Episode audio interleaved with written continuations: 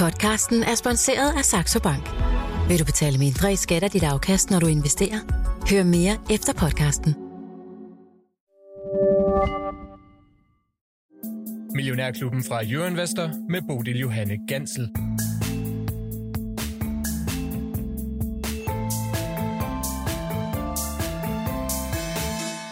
Øl og smykker, køkkener og cement, sportstøj, medicin, vindmøller og vaskepulver. Der er så meget, man kan investere i, så hvordan finder man egentlig ud af, hvad der er værd at satse på? Velkommen til Tirsdag i Millionærklubben, hvor du kan blive klogere på, hvad dagens panel satser på, og ikke mindst hvorfor. Det består af chefanalytiker i Svendsen og Tudborg, Lars Svendsen. Godmorgen og velkommen til dig. Godmorgen. Og øh, erhvervsmand, professionel bestyrelsesmedlem, aktiekommentator på Dagbladet Børsen og investor Jens Løstrup. Godmorgen og velkommen til dig også. Tak. Jens, øh, siden sidst der har vi taget hul på et nyt investeringsår. Hvordan er du kommet fra land her i 2024? Jeg ligger jo med en del banker, og de er jo steget, så jeg er oppe med 6,5 procent. Ja, det er en meget god start på sådan et år. Der mm. er jo øh, nogle tekniske analytikere måske især, som mener, at sådan som januar udvikler sig på aktiemarkedet, sådan det tegner nogenlunde billede af, hvordan resten af året vil udvikle sig. Hvad siger du til det? Jeg vil håbe, de har ret. men, men bortset fra det, så tror jeg, at vi står foran, altså vi har gode muligheder for, at aktieåret bliver godt. Mm. Og jeg kan let forestille mig en 10-20 procent i stigning. Okay, det er alligevel en chat. Hvad bygger du det på? Uh, det bygger jeg på, at aktiemarkedet er altid på vej op. Og det er sjældent, vi har lange perioder, hvor det ikke bevæger sig op. Og nu har vi altså haft to år, hvor det har været fladt, eller endda vi har tabt en smule, når vi ser på kalenderåret 22 og 23 og lægger dem sammen. Så har det været sådan flad, et lille minus. Og det er en sjælden begivenhed. Øh, og jeg tror faktisk, at, at øh, det kan være afsæt til, at vi får noget fremgang i år. Så Jens, øh, når jeg står og kigger ud på aktiemarkedet, og jeg har besøg af masser af forskellige gæster herinde i Millionærklubben, så er der faktisk øh, en tendens til at tale om nervøsitet, usikkerhed, verden ændrer sig, og alt muligt, som gør os en lille bitte smule bange, måske som investorer. Den deler der så altså ikke, øh, den frygt? Jeg synes, det er rigtig ærgerligt, at man taler så meget om nervøsitet, og det gjorde man jo sidste år. Altså, næste kvartal, hvad kan det blive til, sagde man hele tiden sidste år. Og der var jo ingen krise. Der var jo ikke noget at være bekymret for, og det er der stadigvæk ikke, efter min vurdering. Mm. Og det vil jeg godt sige også til lytterne, at øh, pas nu på ikke at blive for nervøse. Øh, det er det værste, man kan gøre, og, og det er en ærgerlig ting ved det at ligge med aktier, hvis man bliver nervøs og bekymret for at tabe sine penge. Det er vigtigt, man er med, og det er vigtigt, man er inde nu. Okay. Vi vender tilbage til, hvad man øh, eventuelt kan samle op, hvis man er lidt ude på sidelinjen, og man har lyst til at hoppe ind i det, som du altså selvfølgelig har. Du er allerede inde i aktiemarkedet, Jens, men øh, vi skal høre, hvad det er, du mener, der er værd at kigge på lige nu. Lars Svendsen, lad os ja, øh, tjekke ind på markedet. Ja, vi er smule ned, 0,2 øh, herhjemme, og øh, der er ikke rigtig nogen nyheder. Den væsentligste, der er, hvis, ja, den er ikke, nok ikke væsentlig, men det er Øsur, den islandske virksomhed, ligger på havnen i Reykjavik. Jeg har selv øh, set den. Det er proteser eller ja, noget? og alle sådan nogle ting. Ja, mm. øh, øh, kunstige ben og proteser og øh, støttekraver og den slags ting. Altså en ret avanceret udgaver ja, af det, som meget. jeg ved. Det er en meget avanceret, man kan også sige en industriel bandagist, hvor de har typisk øh, taget håndværk lavet om til industriprodukter, så bliver modificeret, øh, tilpasset de enkelte personer. Ikke? Og det er på vej også imod øh, sådan noget med øh, at simulere bevægelser. Altså IT bliver inkorporeret i produkterne, og sådan så man det kan dig, Svendsen. Nå ja, nej, men det er da genialt. Altså, at, at, at sådan et ben kan finde ud af, hvordan du går, og så lærer den ligesom det, og så kan den sådan øh, følge med og alt det der. Ikke? Mm. Og, og det var jo også dem, der sponserede ham her, løberen med de kunstige ben nede i spejl, så, eller i Sydafrika, den der ballade. Ikke? Mm. Men det er jo, hvad der kan ske. Øh, men øh, ja, de har købt en, en, en relativt stor virksomhed, og de, de lever jo også af at købe teknologi for at supplere deres produkter, det er noget med kunstige knæ og, og, øh, og led. Og det, øh, men, men det er ikke noget, øh, det er ikke noget, noget sådan rigtig stort.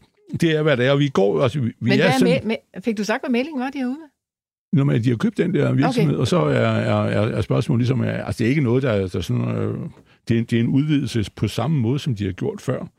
Øh, så det er jo ikke, en, og det er en, en lille aktie. Det er faktisk en aktie, jeg har gået og luret på at købe igen, fordi den er nede i 32. Jeg havde den fra 9 til, øh, til 35, og så gik den helt op i, i 48-50, fordi de købte egen aktie, og så har vi kørt baglæns, så nu har vi været nede under 30. Så det, det er formentlig... Øh, Altså, det er sådan en, men det er jo en køb og, og gem i fem år eller sådan noget. Det er sådan en, en aktie, men den er faktisk nede, hvor, hvor øh, en klog mand, tror jeg, når jeg siger det til mig selv, øh, skulle måske købe nogen. Men det er, det er bare en meget lille aktie, og den er i øvrigt øh, kontrolleret af, af alle øh, øh William Demant-fonden, så det er sådan set en, øh, en halvsøster til... Øh, til øh, høreapparatfabrikken, okay. altså deres holding-selskab der, mm. der også ejer Jøvdan. Øh, så, så, så, så de er jo sådan lidt øh, forskellige ting, den der koncern. Men, øh, men det er, det er nyheden. Ellers er det jo bare, at vi venter på, at øh, vi kommer frem til de her regnskaber, som sådan rigtig begynder i næste uge. Også herhjemme, vi skal jo have trykminer der, vi skal øh, komme som en af de første. Øh, Øh, og det er sådan set, øh, hvad det er. Så, og der kan der også komme nogle øh, profit warnings, som den, vi havde for Electrolux i, i fredags. Men øh, men der er ikke sådan, øh, der er ikke de der er store... ikke store, nej, okay. Nej, vi har der var en opjustering en, fra, i, fra um, Seabrain, ikke E-Brain. Ja, han var i går, ja, ja. ja, så, ja, men ja, altså, og så, ja, okay. Og så er der ja. jo selvfølgelig alle mulige taler rundt omkring i hele verden, som jo også på en ja, eller anden Davos. måde, ligesom Davos, mm. Mm. der er, var altså også interessante taler. Mm. I går blandt andet øh, var Joachim Nagel, som jo altså er Bundesbankchef, men altså en del af ECB, ja. han øh, talte med øh, Bloomberg i Davos i går og siger, at rentenedsættelserne, ja, de kan godt komme til sommer, men at det er for tidligt at tale om rentenedsættelser, så ikke, han sådan taler lidt i ring på en eller anden måde. Mm. Men øh, der kan, ja, altså det ligger jo sådan set også i forventningerne. Lars Svendsen, forventer ja. du også rentenedsættelser for ECB her i løbet af sommeren? af, af sommeren, det er jo som halvt år. Det er rigtigt. Nej, jeg tror, ikke, jeg tror før, jeg faktisk ikke, han er færdig med at, med at hæve endnu. Nej. Jeg mener, han, han, han, øh, ICB er jo bag, det er USA, der er foran, så det er der, du skal kigge hen, øh, og Europa er, er, er bagefter. Jeg tror ikke, at de har lyst til at, at gøre noget, øh, og i USA handler det jo om, øh, nu har Trump jo lige vundet det der Iowa, så han, han, er, føler jo næsten, at han er præsident allerede, så, så kan vi jo sidde og glæde os til det. Øh, hvordan det skal blive. Øh, nu skal vi udvide militærbudgettet til det tredobbelte vel næste øh, gang. Så, så, øh, så, så, så det skal jo nok blive godt for alle, hvis det kører derover af. Men, øh, Ja, men, men, nå, men altså, det er bare USA, der, der, det er ikke Europa. Du skal ikke kigge på Europa. Øh, det, det, det, det skal du ikke, og, øhm, og Norge er de jo heller ikke rigtig blevet færdige med at sætte andre op endnu, så nej, jeg, det, det, jeg mener, det, der, det er sådan en, det er bankfolkene, der prøver på at, at lobbyere for at få sat renter ned, som du kan holde øh, hele finansmarkedet op, og det er noget snot, Okay. og de får ikke helt til det, det tror jeg ikke. Der kommer øh, referat af ECB's seneste centralbankmøde. Det kommer på øh, torsdag, så det kan være, der står noget mere sådan konkret i det. Det holder vi selvfølgelig også øje med.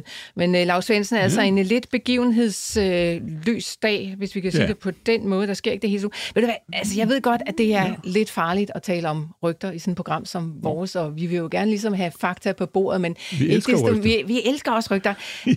det her Silan Pharma-rygte, som har kørt Ja. rundt i markedet om, at det skulle være en kandidat til et Pfizer-opkøb. Jeg kunne godt tænke mig at høre, om du har en holdning til det. Øh, Jeg skal jo så sige, at jeg har øh, den her aktie jeg har haft i, fra, fra, fra 0 af, eller den gik på børsen i 10 eller 11, når det var, til kurs 83, så har jeg købt en hel masse øh, for nogle år siden.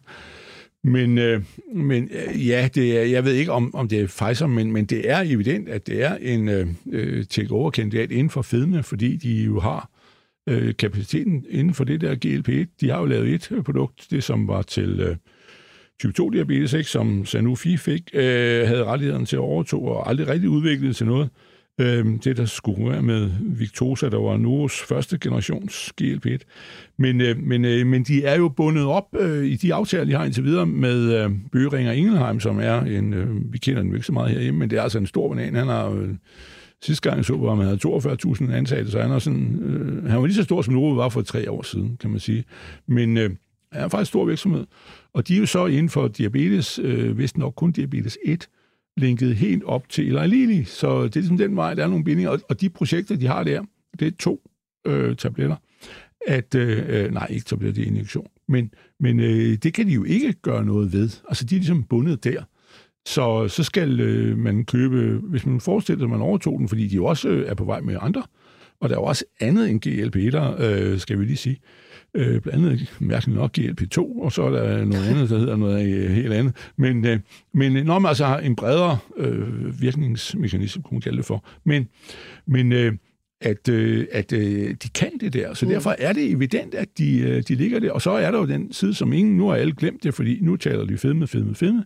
Det er jo, at de har jo fået indsendt til registrering et produkt mod det, der hedder korttarmsyndrom, altså at du ikke kan optage tilstrækkelig næring i dit tarmsystem, øh, som også er en, øh, det er så en, øh, faktisk hvis nok en GLP-2, men, øh, men, øh, men det, det har lige gjort, og, øh, og det, øh, det skal godkendes i USA nu. Øh, det skulle jo gerne kunne blive, hvor de så skal konkurrere med øh, den berømte øh, det første produkt, som sidder, sidder på markedet, men jo som blev solgt dengang for, det var det Shire havde, der blev købt af Takeda i Japan. Det er det nu par lige mod Japan, men, øh, men, men det gjorde det. Og, og, hvad hedder det, og det gik jo, Shire gik jo for 50, der havde en dansk topchef, for 50 milliarder kroner, men det får du jo ikke for det her. Men det viser bare, øh, du også, de skal jo dele den samme kage, og nu er det så nummer to, ikke? Men, øh, og de andre er jo foran med, med deres produkt der, øh, som jeg så ikke kan huske navnet på. Æh, at pointen er bare, at det, det viser jo noget om dimensionen af det, men lige nu er alle bare optaget af fedme, fedme, fedme. Ja. Så, så, så jo, øh, jeg mener, at det er øh, sandsynligt, at de bliver overtaget på et tidspunkt, og der kunne Pfizer jo godt være en af dem. Jeg har jo også Pfizer-aktier, nu skal vi jo sige alt muligt, hvad vi har, øh, men... Øh, men, men, øh, men det, det kunne godt være der, fordi de, de er jo bagefter, og hvis du har et marked, som han jo han var direktøren overfor, var ude og holde foredrag her for nylig en anden konkurrence, sagde, at det er et 100 milliarder dollar marked nu, og det bliver jo måske markant større, det gør det jo. Mm. Øh, så øh, det, det vil jeg også være med i. Altså, så øh, Svendsen, øh, Pharma, noget om nu også. Ja, ja, Zealand Pharma ja. handler hvad, 400 og nogle 30, 30 ja. i, i den nabolag. Altså, ja, hvilken præmie vil du være til, hvilken præmie vil du være tilfreds med, hvis at uh, de skal overtages? Jeg tror jo, at hvis der kommer øh, sådan noget der, så, øh, så er det jo dobbelt op, og så så, øh, øh, så er det et spørgsmål, der kommer nogle andre, der sidder og siger, om så Bjørn Ingelheim, sidder og siger, så må vi jo øh, gribe ind, fordi vi har, øh, de har jo øh, vist et ganske udmærket samarbejde okay. med dem, øh, for ligesom at, øh, så vil vi øh, snu, komme et andet bud. Øh, altså, det, det, er, det er den store tegnbog, du har. Okay, glimrende. Du Nå. har, men det kan jeg jo ikke love nogen, Nej, at man gør så videre, men, men du siger, hvad vi satser på? Ja, altså, øh, jeg satser på sådan noget, men, men jeg har jo været, og det er jo den der med, jeg har været fra, fra, fra 0, og det har jo, det er jo først sidste år, at Silan blev en nogenlunde god rentabel aktie, så havde du været bedre med at have Novo. Ja. ja det, det er realiteten det. er det. Nå, det er altså ja, bare så... Øh, spekulationer og ja, rygter, ja. så øh, der er ikke nogen facts i det, som vi bare står og taler om. Men lige præcis her, lad os vende tilbage til det, øh, der rent faktisk foregår derude i markedet. Jeg øh, hedder Bodil Johanne Gansli, jeg besøger Lars Svendsen og Jens Løstrup. Det her det er Millionærklubben på en tirsdag, hvor vi altså skal høre, hvad de her synes, det er interessant at investere i lige her og nu.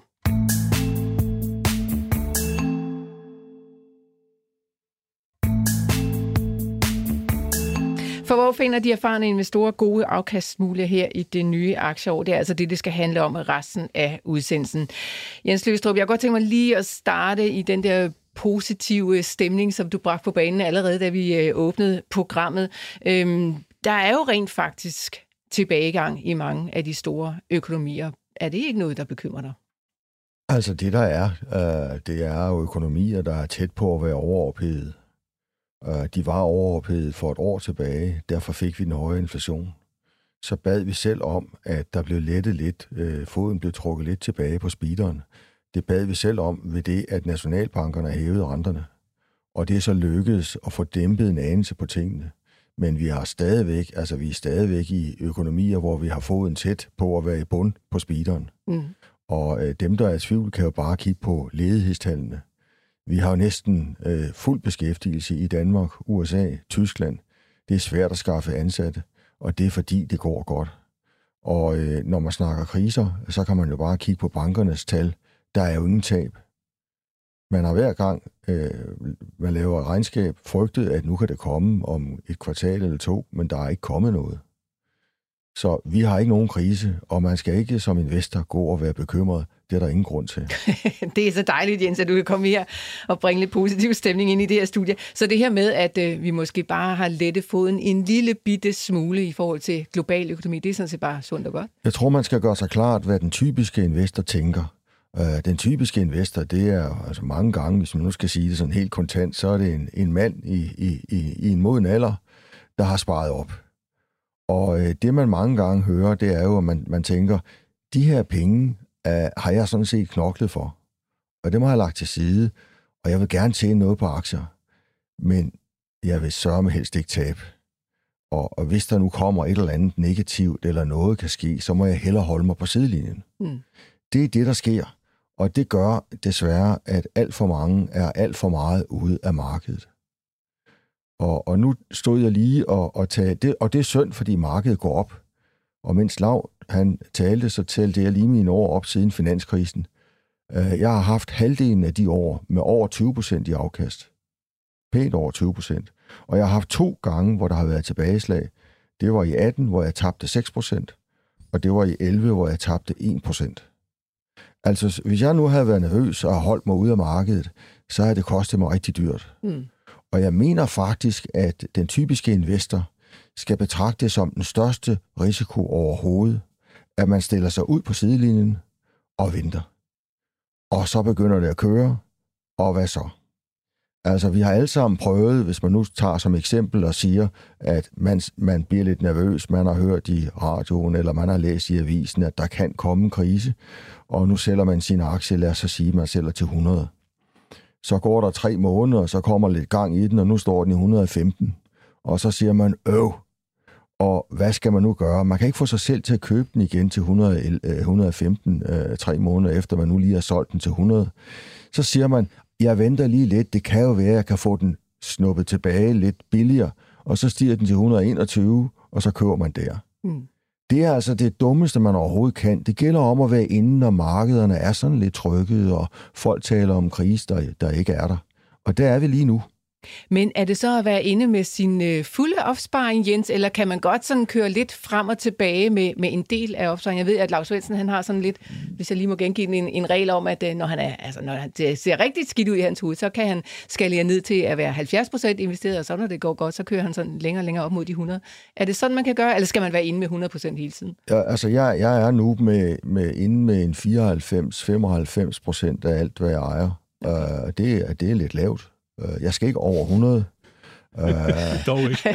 jeg har, jeg har været, uh, en gang har jeg solgt en 30-40 procent, og, og, og det var op til finanskrisen, hvor det hele det steg for meget. Mm. Det er i virkeligheden det eneste tidspunkt, man skal være nervøs eller utilpas. Det er, hvis det er steget og steget og steget, og det kan godt være, at det fortsætter, men nu begynder det altså at se dyrt ud. Hvad så med, så må jeg så spørge dig nu, hvad så med, med Nasdaq-vanviddet over? Det er jo sted og sted og sted. Det er fuldstændig vanvittige værdier. Du betaler millioner i dollars for en arbejdsplads i et firma. Ja, nogle aktier i hvert fald stedet helt vanvittigt. Klokkeklar svar. Hold jer helt væk ja. fra det. Vær ikke med i det der. Det er alt for langt væk. Ja. Mm og i det hele taget hold dig til danske aktier, hvis du, hvis du, hvis du overhovedet kan. Men Jens, vi har jo lidt haft den, uh, noget, der minder lidt om situationen i Danmark. Vi har no- haft nogle danske aktier, som også har steget ganske meget. Novo, Pandora, Demant, de har jo altså også kørt vanvittigt meget op og måske stukket lidt af fra det brede marked. Hvad tænker du om dem? Det var jo det, der skete sidste år. De tre aktier var dem, der steg, og, og Novo er jo den, som rigtig mange har, og rigtig mange øh, har, kan man sige, elsker at ligge med. Jeg har en onkel, der, altså, hvis jeg, hvis jeg skal få smilet frem på denne ældre herre omkring 90, så skal vi snakke lidt Novo. uh, og han har holdt fast altid. Uh, men der var jo en grund til, at det steg. Altså, den aktie oplevede jo en voldsom stigning i sit salg, og kan forvente, at det fortsætter i, i 24. Og så er det jo berettiget, altså hvis, hvis overskuddet går op med en 30-40 procent, så er det jo yderst berettiget, at aktien også stiger. Ja, det er de jo faktisk også gjort på nogle af de store tech-giganter. Ja. Overskud har fulgt ja. med op. Ja. Men når det drejer sig om USA, øh, der tror jeg, Lav og jeg er helt enige. Altså, øh, jeg, jeg, vil, jeg vil sige, hold dig helt væk, eller hold det i hvert fald langt nede, fordi øh, det er noget, der du er meget langt fra som investor, og det er, øh, det er noget, hvor der er noget hype i det. Øh, jeg kan bedst lide aktier, som, hvor man har et selskab, der er velindtjenende, velfungerende i vækst, og så hvor kursen er lidt lav. Det er det, jeg, jeg kan anbefale. Og dem kan du sagtens finde her på vores Dem kan vi sagtens finde her. Og jeg plejer jo at sige, at, at, at hvis, hvis man investerer på den anden side af jordkloden, så er du den sidste til at få alle nyheder. Mm. Du kan ikke rigtig ringe til selskabet og høre noget. Uh, du skal betale nogle høje vekselomkostninger. Du skal betale nogle høje depotomkostninger. Dine handelsomkostninger er også høje. Um, dit udbytte bliver beskattet lokalt, og du får ikke alle pengene retur på udbyttet, så du får mindre ud af udbyttet. Um, og oven på det lægger du en valutakursrisiko. hvorfor i alverden kaste sig ud i det? Hmm. Jens, øh, bare lige for at slå det fast, er du selv øh, Novo-aktionær lige for tiden? Jeg har en slant Novo-aktier. Jeg købte mm. faktisk øh, i foråret lidt ekstra Novo-aktier, og øh, er glad for dem. Okay. Men ellers så har du jo tidligere stået her i programmet og slået et slag for finansaktier herunder blandt andet Jyske Bank, Skjern Bank og Sydbank. Nu fik vi regnskabssæsonen skudt i gang i den amerikanske banksektor i fredags med et lidt blandet modtagelse. Spiller det overhovedet nogen rolle for dig? Overhovedet ikke. Nej, okay. Og, og, og, og jeg, jeg synes, det er lidt trist, hvis man lader amerikanske banker øh, overhovedet have nogen betydning for, hvordan man kurssætter en dansk bank.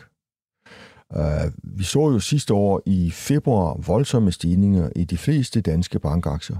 Og så kom der marts-april uh, øh, et par små banker i USA, som fik nogle problemer og havde disponeret forkert. Og det fik jo hele den danske, uh, kan man sige, alle aktier i Danmark i danske banker til at falde. Helt igennem en misforståelse og uberettiget. Nu er det ved at være glemt, men uh, altså kursen den faldt. Uh, så det, det synes jeg, man skal passe på med ikke at sidde og kigge på. Så lad os kigge på de banker der, du har, altså Jyske Bank, Skjernbank og Sydbank. Det var i hvert fald dem, du malede på banen sidste ja. gang. Ligger de stadigvæk i din portefølje? Det er de samme aktier. Jeg har øget lidt i Sydbank, jeg har øget lidt i Skjernbank. Og det er lige så meget, fordi jeg, jeg er lidt ked af, så meget jeg har i Jyske Bank. Det er, det er ved at fylde for meget. Mm. altså derfor købte jeg lidt i, i de andre. Luksusproblemer. Ja.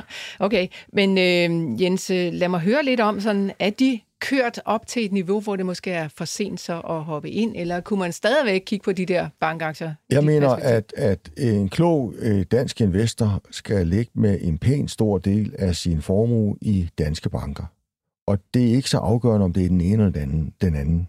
Jeg har valgt de her tre, fordi jeg synes særlig godt om dem, men det kunne lige så godt være Danske Bank eller nogle af de andre banker. Men hvad er der særlig godt ved de og tre det, der jo, og det, der jo er i, i, i det, det er, at øh, hele den her sektor kommer ud med rekordresultater i, i år. Og øh, det vil være sådan, efter min bedste vurdering, at vi får Danmarks historie i forhold til udbytter og aktietilbagekøb øh, i den danske banksektor. Aldrig nogensinde er der tjent så mange penge. Og, og bankaktier er egentlig ikke steget så voldsomt. Indtjeningen er steget hurtigere end kurserne, og det øh, kan jeg godt lide.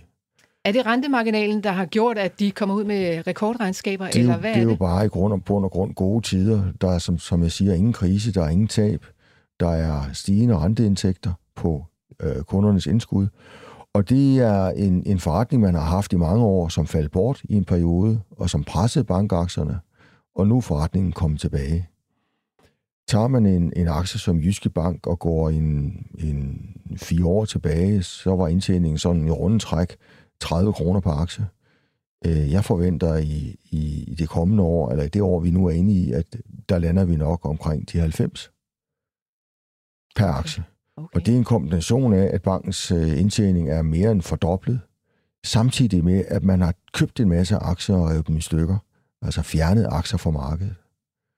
Og, og kursen på aktien er, er ikke gået tilsvarende op. Så man skal forholde sig lidt til, når man kigger på aktier, øh, hvor øh, det kan godt være noget af stedet, men hvordan er det gået med indtjeningen? Mm. Er den sted endnu mere, eller lige så meget, så er alt jo i skønneste orden. Og så er der jo faktisk meget snak om, at vi skal have faldende renter igen, som jeg talte med Lav om i, i indledningen. Altså ECB begynder sådan at nævne det sporadisk, og ja. øh, den amerikanske centralbank taler også om, at renten måske på et tidspunkt, og dit og dat, skal sættes ned. Markedet har regnet meget mere ind i det, som, øh, de, øh, som øh, centralbankerne lige nævner. Men ikke desto mindre, så har vi vel nået en eller anden form for rentetop. Ja, Jens, det er der så ingen skal om. det til at gå den anden vej for bankerne så? Alle steder, jeg kommer, jeg kommer i en del virksomheder, der er ikke noget tvivl om, at inflationen er stoppet. Og, og jeg vil ikke være forbavset, hvis vi fik negativ inflation på et tidspunkt, altså for en kortere periode, men i hvert fald er den stoppet. Og det vil sige, at renteforholdelserne, de er også stoppet. Og det er ikke så afgørende, om de falder lidt, eller om de, de, de står stille. Det, der er det vigtige, det er, at de ikke stiger. For når renten stiger, så bringer den nervøsitet, og folk snakker om kriser, og hvor galt kan det gå, og, og hvad med dem, der har gæld, og, og hvad kan der ske, og er det, kan det bringe noget fare. Så det vigtige her, det er, at de er stoppet med at stige. De vil nok også falde, og det plejer at være, være rigtig positivt for aktiemarkedet. Mm. Altså kigger man sådan på den lange bane, på cykler, på hvad der sker, så perioder med svagt faldende renter, det er altid gunstige perioder for aktier. Okay. Fordi det betyder jo, at virksomhedernes øh, rentebelastning falder. Det betyder, at det bliver mindre interessant at have pengene stående kontant. Øh, og så søger folk mod aktier. Men øh, kan du forstå, at jeg synes, at det kan være en lille bitte smule kontraintuitivt, når vi siger, at det var en god forretning for bankerne, da renterne steg, og nu bliver det også en god forretning for bankerne, når renterne falder? Det er ikke en god forretning for mm. bankerne, når renterne falder. Det vil tage lidt af toppen af indtjeningen. Men ikke desto mindre, så holder du fast i dine banker, ja, det altså også jeg. gennem... Øh... Og, og det vi skal huske, når vi nu kigger, og jeg er faktisk ked af at, at, at, at, rose bankerne for meget, fordi det bedste, det bedste, der kunne være, det var, hvis kurserne ikke steg for voldsomt. Øh, set for mig som investor, jeg sælger jo ikke ud. Set for mig som investor, vil jeg gerne have, at de her aktier tilbagekøb, som jeg forventer kommer i gang her i løbet af en måned og et par måneder, at man kan købe aktierne til en forholdsvis lav kurs og rive dem i stykker. På den lange bane vil det være det bedste øh, for mig som investor. Mm. Men, men nu fortæller jeg, hvad jeg tænker, og det jeg tænker, det er, at nu får vi først et rigtig godt årsregnskab. Der bliver så startet op for aktietilbagekøb. Og det tror jeg faktisk vil ske både i Jyske Bank, de har meldt ud, de arbejder på det. Det vil også ske i Sydbank, det er jeg ret sikker på. Og jeg tror også, det vil ske i Skjernbank. Lidt mindre omfang i Skjernbank. Så får vi altså en periode, hvor aktierne bliver købt tilbage, hvor dem, der måtte være skeptiske, de kan aflevere aktien. I Jyske Banks tilfælde, så er det omkring 80% af indre værdi. Og, og for de lyttere, der er i tvivl om, hvad det vil sige med indre værdi, det svarer til at lægge en 100 kroner på bordet og spørge, om nogen vil købe den for 80. Det er det, der sker i Jyske Bank. Så udover det, at man tjener sit overskud, så tjener man også penge ved, at man køber en 100 kroner for 80 kroner. Det får vi gang i, så kommer vi hen, og så kommer der et første kvartalsregnskab.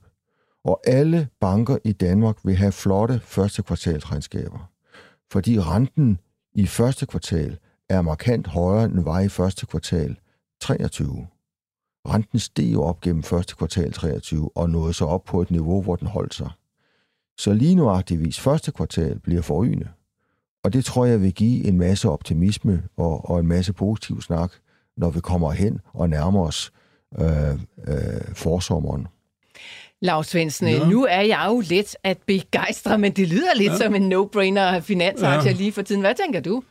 Nej, det mener jeg faktisk ikke, men, men øh, på, på kort sigt, hvis verden opretholder sin øh, struktur, der ikke skal nogen ulykker, så kan det jo godt gå hen og være det yderligere, men jeg vil sige bare, at jeg er jo ikke glad for banker, fordi jeg mener, at de har fundet niveauet.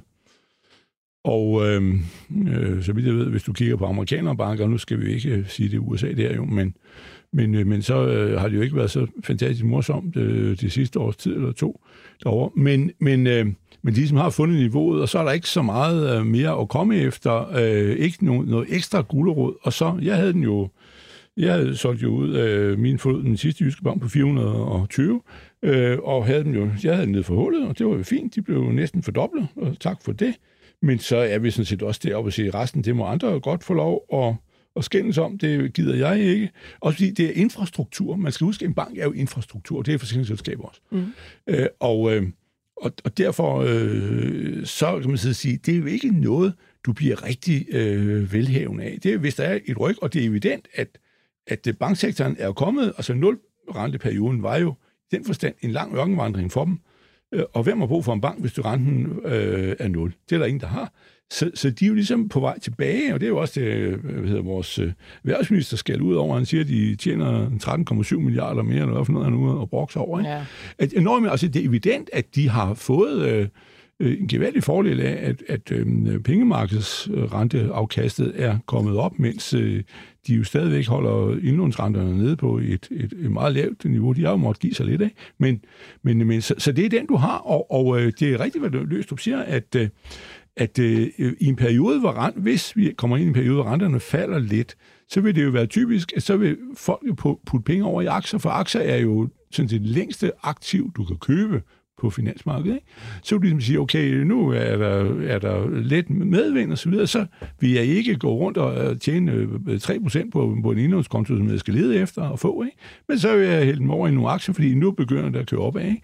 Og det er jo sådan set... Øh, det er den gode side af sagen. Det, der er den onde side af sagen, det er det, vi taler om før. Det var også det, jeg gerne vil tale om, de der amerikanere i T-aktier. Det er jo, at derovre, øh, altså de sidder jo med en atombombe, der kan eksplodere. Og, og, og, og det er jo ikke noget med os at gøre sådan øh, direkte, at vi sidder og har en aktie i Nilfisk eller et eller andet, øh, og Jyske Bar og Norden, det kan vi jo nok leve med, men, men, men de andre derovre, altså det, det er altså for mig at se, at det, der, det, det er det værste, jeg har set siden 20'erne. Ja. Der var jeg så lige, ikke øh, øh, til stede. Lad os lige men, blive øh, læst finans, øh, finansaktierne. Jens Løstrup, Kunne, øh, kunne jeg lige bare sige Ja. ja. til jer til lav, jeg synes Ja. jo, det er ærgerligt, du har solgt til 420. Ja, jamen, det, det er det jo også. jeg. Men så har jeg jo noget andet. Ja, men det er jo, og så kan det være stedet, ikke? Prøv lige at høre, Altså, lad os lige jeg- blive i finansaktierne. Det er vi slet ikke færdige med endnu.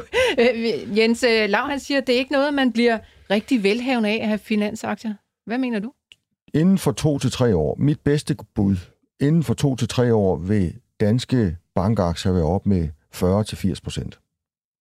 Ja. Det er så konkret, som det kan blive. Jeg kunne ikke drømme om at sælge mine aktier. Øh, Jeg kan ikke se, at, at altså, medmindre de stiger til himlen, så kan jeg ikke se, at det kommer til at være aktuelt at sælge en eneste bankaktie før en gang i 25 eller i 26. Okay, så du holder fast Ja. på den øh, tidshorisont i hvert fald. Godt, øh, der vælter også en spørgsmål til dig, Jens Løstrup, her på sms'en. Nummeret er som altid 42 42 03 21. I kan skrive herind, hvis I starter beskeden med Mio, så lander den nemlig lige her på mit øh, skrivebord. Der er masser, der handler om... Øh, shipping, og det skal vi også tale om. Men øh, Løbstrup, øh, lige inden vi når dertil, så kunne jeg godt tænke mig at tage Bibis spørgsmål ind. Hun øh, spørger nemlig, hvad tænker Jens Løstrup, at hans investeringer vil blive påvirket, hvis Trump han bliver præsident? Øh, hvordan tænker han, at de, de vil blive påvirket? Og hvor er det hyggeligt, Bibi, med nogle spørgsmål, og det er bare fyr, fyr løs. Jeg tror, uanset om det er den ene eller anden præsident, der bliver valgt, så tror jeg, det er stort set uden betydning. Øh, Jeg er ikke tilhænger af nogen af dem, og jeg synes faktisk, det er ærgerligt, at så stort et land ikke kan stille med bedre kandidater.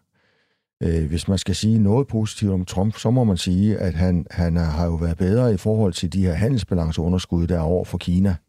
Der har han jo været rimelig konsekvent. Øhm, og jeg, jeg skynder mig at sige, at jeg ikke, for, jeg er ikke fan af, af nogen af de to. Men, men på det punkt kan, kan det godt være, at verdensøkonomien har lidt bedre vilkår i og med, at Amerika har brug for, USA har brug for at få stoppet de her store underskud, der er i handelsbalanceforholdet. Mm. Men når det er sagt, så ved vi jo også, at straks han gør noget der, hvis det nu bliver ham, der bliver valgt, så bliver verden jo bange for, om der nu er en ny krise. Og det så vi jo, øh, da man indførte de her importtol øh, fra kinesiske varer til USA. Så bliver folk bekymrede, selvom det er et godt tiltag. Så det kan godt være, at det giver lidt, øh, lidt udsving, men i min bog er det ikke noget, man skal bekymre sig for. I det hele taget vil jeg råde lytterne til ikke at bekymre sig for meget. jeg synes, det er et dejligt råd. Nå, lad os Det, hoppe hør til... her, det er sådan en fest at lægge med danske aktier. Ja. Det, man skal være så glad over det, og det er utroligt, hvad man kan tjene over årene. Og øh, man skal først og fremmest være glad og ikke være bekymret. Lad os hoppe til shippingindustrien, og Alan Baer, der er CEO i det amerikanske logistikselskab OL øh, USA, der følger shippingindustrien øh, tæt. Øh, han siger altså, der er gyldne tider på vej, det siger han til CNBC, og det kan du læse meget mere om over på Universter.dk, der bringer blandt andet den øh, historie. Jens, øh, shipping, det er jo også noget, du er. Jeg var lige ved at sige fedt ind i, det lyder så grimt, men altså, du er investeret ind i øh, Torm og har været det ganske længe. Jo, men han bliver jo nødt til at forholde sig til, hvad han mener med shipping, fordi øh, det er jo ikke, det er jo ikke øh, ligegyldigt, hvad du køber for noget. Nej, så er det dejligt, vi har jer, der kan pensle det ud. Containermarkedet mener, at man skal holde sig væk fra. Der kan godt være lidt omkring det røde hav og lidt og noget forbigående. Holde sig væk fra tørlast det samme. Altså det, der er interessant, det er tanker, det er tankers, det er råolie eller det er raffinerede olieprodukter. Og så taler vi altså Torm. Det er torm. Yes. Og, og det kan også være spændende at ligge med, med råolietanker. Altså det, det, det er, når man ser på tallene, faktisk mindst lige så spændende.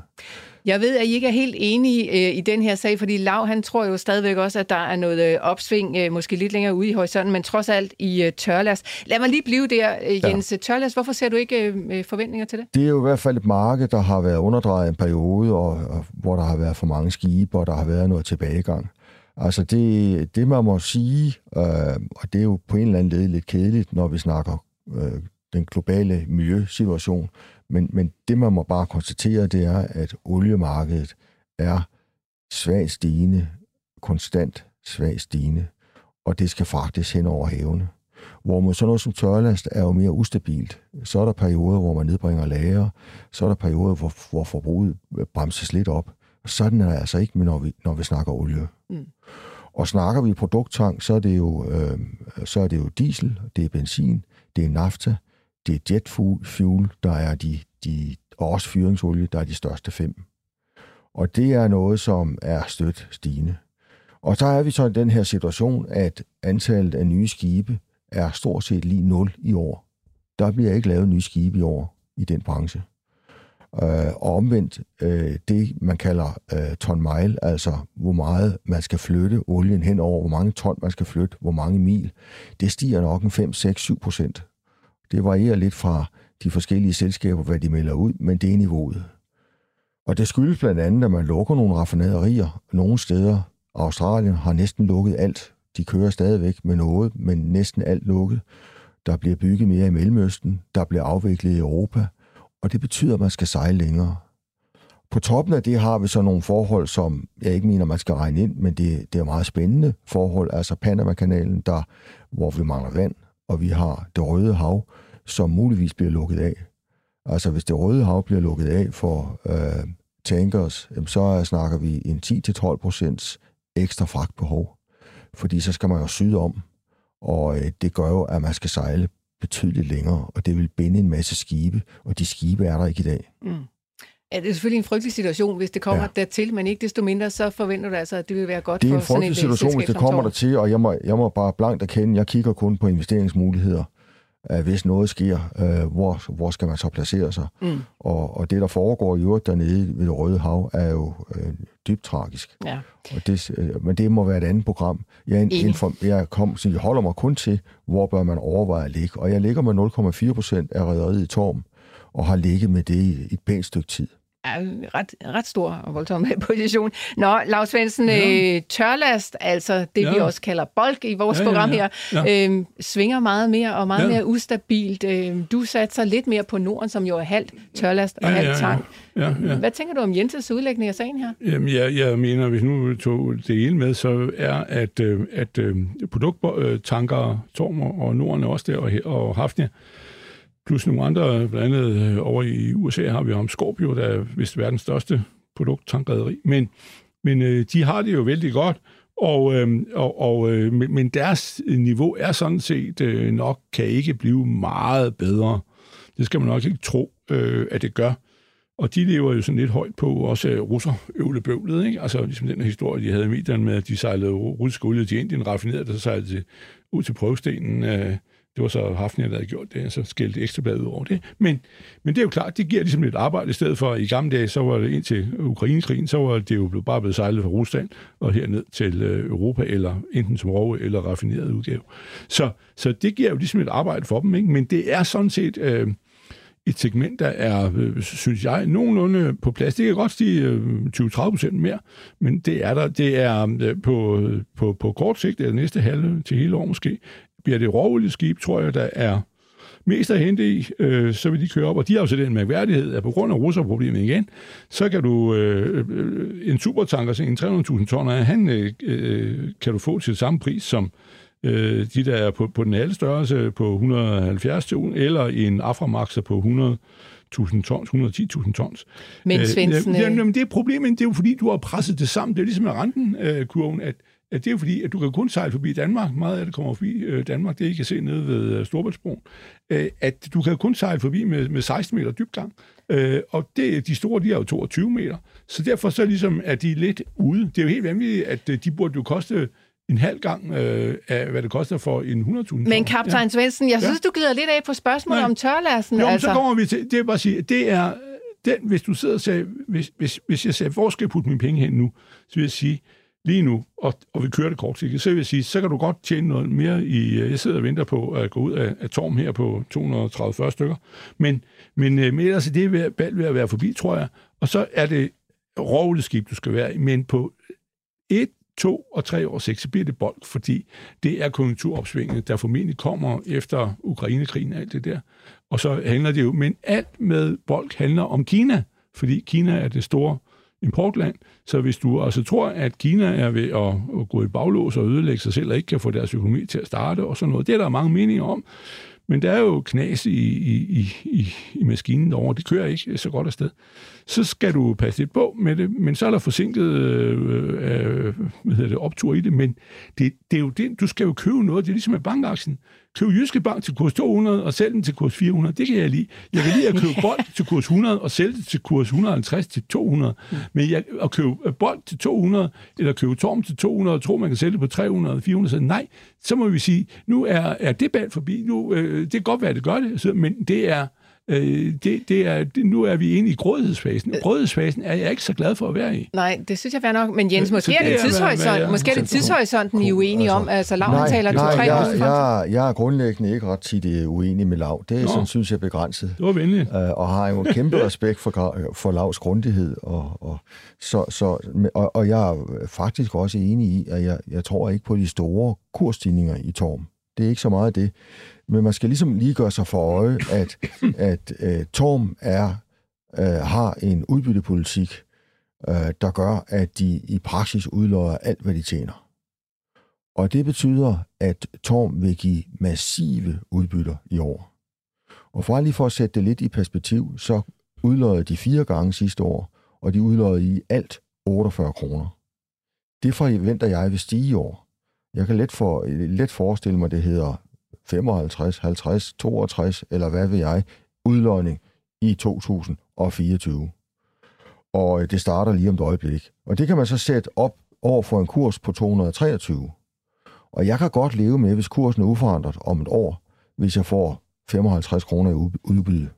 Det svarer jo altså til, at altså, du tager de 55 kroner og dividerer med 220. Hvad bliver det lav? Hvad siger du, ja. det er 25 procent? 25 procent. Ja, det skal du så betale skat af. Det, det kan du lige holde ud. Og, og det kan lige gå. Det, det, det, det skal man ikke være utilfreds med. Nej, nej, nej. Og det, det, det grundlæggende forhold her er, at manglen på skib i forhold til fragtbehovet vil øges. Og det vil sige, at den indtjening, der var i 23, må forventes at blive overgået i 24. Og 23 indtjening gav altså 48 kroner i, i udbytte. Mm. Og jeg tror, du må være enig med mig, Lav, ja. at de vil nok tjene mindst det samme. Det tror jeg også. Og nok mere. Ja. Og da det hele bliver udløjet, så har vi i hvert fald 50 kroner i udbytte. Det synes jeg, de fleste, det vil jeg tro, de fleste lyttere vil være tilfreds med. 25 procent, ikke? Må vi lige spørge dig, øh, hvis du nu undskyld, jeg tager ordet for dig, men det er, hvad med, med ham Oaktree? De har jo den her store aktionær, som er, øh, han var oppe på 60 procent, nu er han vel glædet ned på, på 55, eller hvad ved jeg, hvor ligger han Hvad med ham? Hvordan ser det, du på det der? Det er jo hammerne relevant, fordi ja. det, det er super vigtigt i forhold til lytterne. Ja. Fordi det, der jo sker, det er, at man er lidt kluntet, når man skal sælge sine aktier, og man skal ud. Man har en, en fond, der løber 10 år, og kan forlænges med to år, og der er vi stort set nu. Og derfor vil man ud, og man melder ud på et tidspunkt, men man ud, nu vil man sælge 5 eller 6 procent, så faldt aktiekursen markant, så annullerede man den meddelelse. Så kommer lidt senere og vil sælge 3-4 procent, og aktiekursen rettede ned, og så solgte man. Og det er interessant for lytterne, fordi der er ingen tvivl om, at de vil komme ud igen og vil sælge 3, 4, 5, 6 procent. Der vil kursen gå ned igen. Der kan det være godt at købe. Hold øje med det som lytter, hvis man er interesseret i at gå ind. Fordi de gange, de har været ude med det, der har kursen rettet sig inden for 14 dage. Så var der altså lige et øh, konkret tip her fra Jens Løstrup. Lad os hoppe videre. Vi bliver i skibsindustrien, fordi du har også købt DFDS, Jens. Ja. Hvorfor egentlig det? Jeg har været med i DFDS i et stykke tid, og, og, og DFDS har jo været ramt af alverdens øh, pinsler. Uh, man gik ind i øh, Tyrkiet, og så fik man stryg der, fordi øh, så kom der valutakrise. Øh, så har man... Øh, så har man oplevet problemer på grund af Ukraine, så skulle vi ikke have fragtet varer fra de områder derover og, og slet ikke fra Rusland. Og så har man oplevet udfordringer med Brexit, så man er faktisk blevet ramt af en hel del ting. Og kigger man på de sidste to år, så har man set fragtnedgange, øh, og under coronaen forsvandt jo øh, de fleste passagerer de vil være tilbage. Men der sidder en dygtig ledelse, og de har formået at lave øh, en, et EBITDA-niveau på omkring 5 milliarder i, i 23. Vi har ikke fået de endelige tal endnu. Det er super flot klaret. Og når fragmenterne på et eller andet tidspunkt vil normalisere sig, så vil det tal gå op. Øh, efter min bedste overvisning er, er den for langt nede i kurs, og jeg købte den til, til en 30 kroner lavere, end den er nu. Uh, jeg tror, den står i, hvad står den i? 229. 229. Jeg var lige under de, de 200, da jeg købte op. Oh. Der købte jeg Der var nede i bunden jo. der, der var Ja, jeg, der var, og det kan man og se. Man kan, man kan aldrig ramme bunden, men der, Nej, nej. der var, havde jeg lidt held. Øh, og der øgede jeg så, for jeg havde før, førhen en halv procent af rederiet, og nu har jeg så øget til 0,6 procent. Mm. Og øh, det, jeg godt kan lide øh, ved noget som, som dem, øh, og det er sådan en grundregel, som jeg også kan anbefale lytterne, det er, at når man har lidt monopol-lignende forhold, noget, hvor der ikke er konkurrence, hvor man kan tjene nogle penge, så er det interessant. Og øh, lytterne, de fleste lyttere kender jo ruten mellem København og Oslo, og det er sådan et rigtig godt eksempel. Der er kun de skibe, som sejles af DFDS. Hvis man vil sejle til Oslo, så er det med DFDS. Der ligger ikke en anden konkurrent ved siden af og sejler samme rute. Og det er jo et perfekt miljø for at lave et overskud. Og sådan har man altså faktisk en del ruter, man er alene om. Man sejler blandt andet meget fra Tyrkiet til Italien, Trieste og, og, og, andre steder. Man sejler rigtig meget øh, svenske produkter til England, hvor man også er stort set alene. Og, og det er rigtig godt at være i en virksomhed, der er sådan ret alene om nogle ruter, fordi det er et beskyttet miljø at tjene penge i. Og det gør, at når der er lidt kriser eller tilbagegang, som de jo virkelig har oplevet, så tjener man alligevel en EBITDA på 5 milliarder. Det er det niveau. En beskyttet forretning, siger du, men altså, øh, kunne man ikke også være lidt bekymret for, at hvis øh, andre rædderier får øjnene op for det, så øh, kunne de også finde på at sætte ind der? Jo, og det sker jo. Man har haft konkurrencer og konkurrenter, der lader sig ind på ruten fra Sverige til England. Øh, det er bare sådan, hvis man gør det, så ved man, så kommer begge ruterne til at tage penge. Det skete også, og så stoppede konkurrenten igen. For øjeblikket har vi kanalen, hvor et irsk rederi, Irish Ferries, har lagt sig ind med nogle skibe og konkurrerer, så den forretning er blevet halvdårlig, og så må vi se, hvor længe de vil gøre det. Vi har tidligere set, at den engelske kanaloperatør læser med konkurrerende skibe. Det gav også en dårlig periode, og så stoppede de med det. Øh, så, så det er bare sådan, at der kan godt komme konkurrence, men dem, der forsøger sig, de vil blive udsat for, at alle tjener ikke nogen penge, øh, og det bliver øh, risikabelt at, at, at, at arbejde med, og det er sværere at komme som ny og få det til at blive lukrativt. Så det er sådan lidt forbigående, og folk stopper igen. Lars Svendsen, øh, Ja. hvordan øh, har Ja. dit børsknæde med Jamen, DFDS? øh, nu købte vi for mange år siden til synligheden bankaktier på samme lave pris, og det, er- det har jeg også gjort. Altså, jeg, er jo- jeg er jo lang i, i DFDS, ikke så langt, som jeg øh, skal være. Jeg skal give jer yderligere op, men øh, jeg jeg, jeg, det er historien for det korrekt. Der er måske ikke så meget liv i Osterruten, men altså, det er jo 80 procent fragt hos, øh, hos DFDS, ikke? Men, øh, men, øh, men øh, det er fuldstændig rigtigt, og, og, og så, jamen, jeg har mit langsigtede mål for, for DFDS, det er jo kurs 375, så og hvis du køber det til 229, så er det, burde det jo gå hen og blive en god forretning. Øh, men det er jo sådan set containerruter også. Man skal lige huske også, de har jo også alt der på land. Altså DFDS har jo genopbygget sin landaktivitet, det der engang blev solgt til, øh, til DSV ikke? i år 2000 eller sådan noget lignende. Men det er ligesom genopbygget, og det er der ikke rigtig nogen, der sådan hæfter sig ved. De har jo en ret stor øh, logistik, kalder man det jo for, øh, afdelingen med alt det, og så har de de, de, de, de her fragtruterne. Så det er, hvad hedder det, og så skal vi sige om konkurrence, vi lige sige øh, måske, at øh, der er sådan set i Europa kun fire rædderier, der er store inden for, for, for trailerfærge, kalder vi dem for, ikke? Altså det er jo, det er jo DFDS, så er det Stena, så er det Grimaldi fra Italien, og så er der en fra øh, Belgien, der hedder Koppelfred. Og, og øh, så derfor er, og de, de leger, for eksempel den der, de sejler rundt med, nu kommer hun ikke til København, men den kommer til Køge, gør den ikke, Bolig? Ser du dem nogensinde? Jeg aner det. Men, øh, Jeg kommer men, ikke til øh, Køge. Nå, men, den sejler rundt oppe i Østersøen, ikke? Øh, og det så, så ligger sådan et skib, ikke? Så står der øh, kobbel, det er jo gråt, det er kobbelfreds farve, men det er Grimaldis, øh, hvad hedder det, skorsten og DFDS, der, der, der, der, der har lejet dem. Altså det er ligesom, de er ligesom ah, hvor meget tror du, de står hinanden ihjel? Nej, det gør de ikke. Okay, De deler kagen, du. Mm. godt. Ja. Så vidt nok om øh, alle skibsaktierne, hvis vi kan kalde dem det, og lad os hoppe øh, i øh, bogstavsbunken, nej ikke i bogstavsbunken, i spørgsmålsbunken, for der er kommet rigtig mange spørgsmål. Jeg kunne godt tænke mig, at vi lige nåede at tage et par stykker med af den, og en af, af de spørgsmål kommer fra Paul Erik, som øh, gerne vil høre lidt om øh, en aktie, som I stod og, øh, jeg var lige ved at sige, kom op og toppe, som inden vi gik i luften. Det er Ørsted. Poul Erik, han spørger Ørsted, hvad synes I om den nu? Er den på rette vej? Jens? Poul Erik, jeg har analyseret Ørsted øh, nogle gange, fordi jeg har tænkt, at, at det at være i sådan en, en grøn virksomhed må da være interessant. Jeg har haft svært ved at overskue øh, de her ting, og, og jeg går ikke ind i noget, jeg ikke har forstand på. Så hver gang jeg har kigget på den, har holdt mig fra den. Øh, jeg kan ikke se andet end, at, øh, ledelsen der har haft svært ved at have overblikket. Øh, de har meldt fejlagtigt ud flere gange om, at der ikke var noget øh, problem, og så har de efterfølgende nedskrevet meget store beløb. Og, og så noget, hvor ledelsen helt åbenlyst øh, ikke har haft overblik og har meldt ud øh, på kapitaldage, at det hele så fornuftigt ud, og så gjorde det det ikke, så noget vil jeg være meget bekymret for. Og jeg vil ikke købe en dårlig aktie til en, en lav pris. Jeg vil simpelthen holde mig fra den. Okay, og det var også dig, der spurgte Emil Luffen, hvorfor i alverden Lars Svendsen han dog havde købt Ørsted på et tidspunkt. Svendsen, øh, skal du lige komme med en kommentar på det? Nå, men det var bare fordi, vi, vi, jeg sagde bare til, til, til Løstrup, at mit øh, største frustration sidste år, det var Ørsted, som jeg troede, jeg kunne øh, fiske under bombardementet nedad på kurs 380, og så, jeg så endte jeg med at tjene 10 procent her, men jeg tabte jo, jeg ved ikke hvor meget øh, 100.000 på det lort øh, derhjemme, og så øh, slap jeg heldigvis ud med et tag på 5, ikke? da den kom op til 3,75. Men bare sige, problemet med det, det jeg lærte, det var, Ørsted er ikke en normal forretning, og normalt, hvis vi kigger på et selskab, DFDS eller hvad som helst, så kan vi jo ligesom se på, hvad er forretningen, og hvor lang tid tager det at rette op, og kan de finde ud af det. Det kan man vurdere, men det kan man jo ikke med det her. Det er jo nogle lange aftaler, og så over i USA skal de øh, have nogle politikere til at få dem nogle penge, hvis de skal hænge sammen, så det har de så ikke kunnet. Så øh, fortæller jo, nu er der lige øh, der er 12 milliarder, nej, nu er der 20, og så ja, der er måske også noget mere.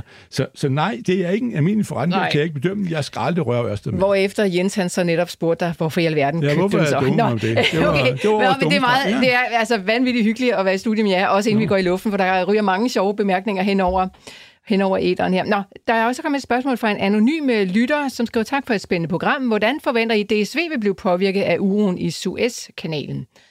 Har I noget øh, blik på Nej, DSV? det har ikke nogen betydning. Det har ingen betydning. Jens, kigger altså, du på DSV? DS, DSV har øh, noget færge øh, ind i det, men jeg tror, det vil være begrænset effekt. Okay. Og så er der Jakob, som øh, spørger om øh, SP Group. Øh, han siger, det er altid godt, når I har den gode Løstrup i studiet. Han taler ofte om SP Group. Den er faldet, men skal den snart op igen? Har du øh, kigget på den? SP Group er jo i en periode, hvor, hvor at der er noget afmatning i den branche. Det må man erkende. Og øh, hvor længe det vil vare, ved jeg ikke, men jeg vil gætte på, at øh, i løbet af et-to år, så er vi igen tilbage på et vækstspor. Okay. Vi gør det bare kort her. Det er dejligt, fordi vi kan lige nå et spørgsmål mere. Så Simon fra Aarhus øh, spørger, om vi ikke kan kigge lidt på Genmap og Koloplast i forhold til prissætning. Øh, har I blik for dem? Koloplast er en aktie, der er med, har for lidt vækst. Og den er prissat for højt mm. i forhold til væksten så må du tage den anden lav. Ja, jeg har ingen mening om, om, om Genmap, det har jeg ikke. Og, og hvad hedder det, Koloplast er faktisk en af de aktier, jeg mener, sådan, altså det kan godt være, at du har ret i det der med, at øh, de har jo købt nogle virksomheder, som de også skal til at, at, at fitte ind, men, øh, men øh, den er faktisk rent børsmæssigt, mener jeg, altså nogenlunde ved at være nede i, den har været 1200 nede i 800 cirka nu. Det er sådan, hvor jeg begynder at kigge på den, men for at se på det plan, men, men det kan godt være, at du har ret i, at, den, at der skal mere propel på. Altså, jeg solgte alt mit kodoplast ja. stort set ud for en 5-6 år siden, på ja. grund af den manglende vækst. Ja, ja. Og det har jeg været glad for. Ja. Og så har vi kun... Genmap, vil jeg sige, for mig er det mere lotto, og det, det er jo et højt meget, meget høj usikkerhed, der ja, er sådan en type. Men du gør det slet ikke i biotek og sådan noget hejs. Jeg holder mig for sådan noget, ja. fordi jeg, jeg investerer. Det er ikke gambling for mig. okay, fair nok. Så har vi lige øh, en, en mindre end et minut, så det bliver meget hurtigt her. Der er nemlig en lytter, der skriver, Buffett siger at være grådig, når markedet er i bund, og nervøs, når det kører derudad. Hvad synes I, markedet er nu? Du skal være grådig nu, Godt. for markedet er fladt og har været nedadgående. Lars Svendsen, skal ja, vi være grådige eller Jeg er jo ikke helt enig, for jeg er så påvirket det der skyggen fra Amerika. Ikke? Det er den, jeg frygter. Men ellers er det rigtigt. Du kan finde masser af gode aktier også uh, nilfisk og alt sådan Jeg har ikke købt dem endnu. Men altså alt sådan nogle ting, der er blevet bumpet ned. Men, men uh, vi har de der amerikanerproblemer, det er noget møg. ja, vi må se, hvor længe vi skal døje ja, med det, Lars ja, det, det, det kan være, at det fiser ud af sig selv. Ja, vi uh, er nødt til at sætte et uh, punktum lige præcis der for dagens udgave af Millionærklubben. Lars Svendsen og Jens Løstrup, tusind tak, fordi I var med mig i studiet. Det var som altid en fornøjelse. Vi må lukke og slukke desværre i et nul, men vi er tilbage igen i morgen og ser på det hele med friske øjne. Rigtig god dag til jer derude.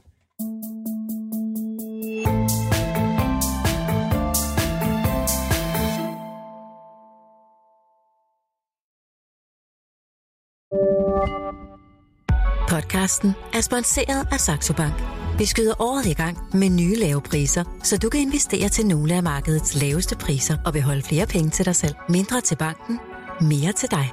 Saxo. Stedet penge helst vil være. Læs mere på saxobank.dk og opret en gratis investeringskonto allerede i dag.